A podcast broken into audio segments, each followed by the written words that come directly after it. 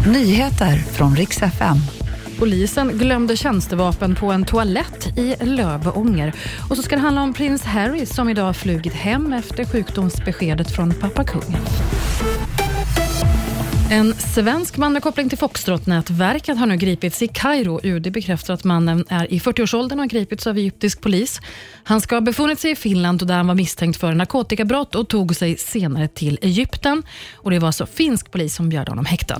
Enligt uppgifter som Aftonbladet fått är mannen från Uppsala och tidigare dömd för bland annat narkotika och trafikbrott. Ett polisvapen hittades idag på en offentlig toalett. Det var på en bensinstation i Lövånger.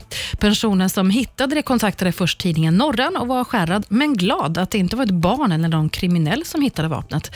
För det här verkar inte ha någon koppling till kriminell verksamhet, utan snarare vara kvarglömt på toaletten. Nu har det i alla fall hämtats upp av polisen igen som skriver på sin hemsida att de också har gjort en anmälan om tjänstefel.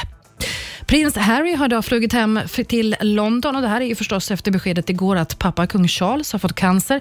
I slutet av januari så blev kungen inlagd på sjukhus för en prostataoperation och i samband med det så hittade man också cancer.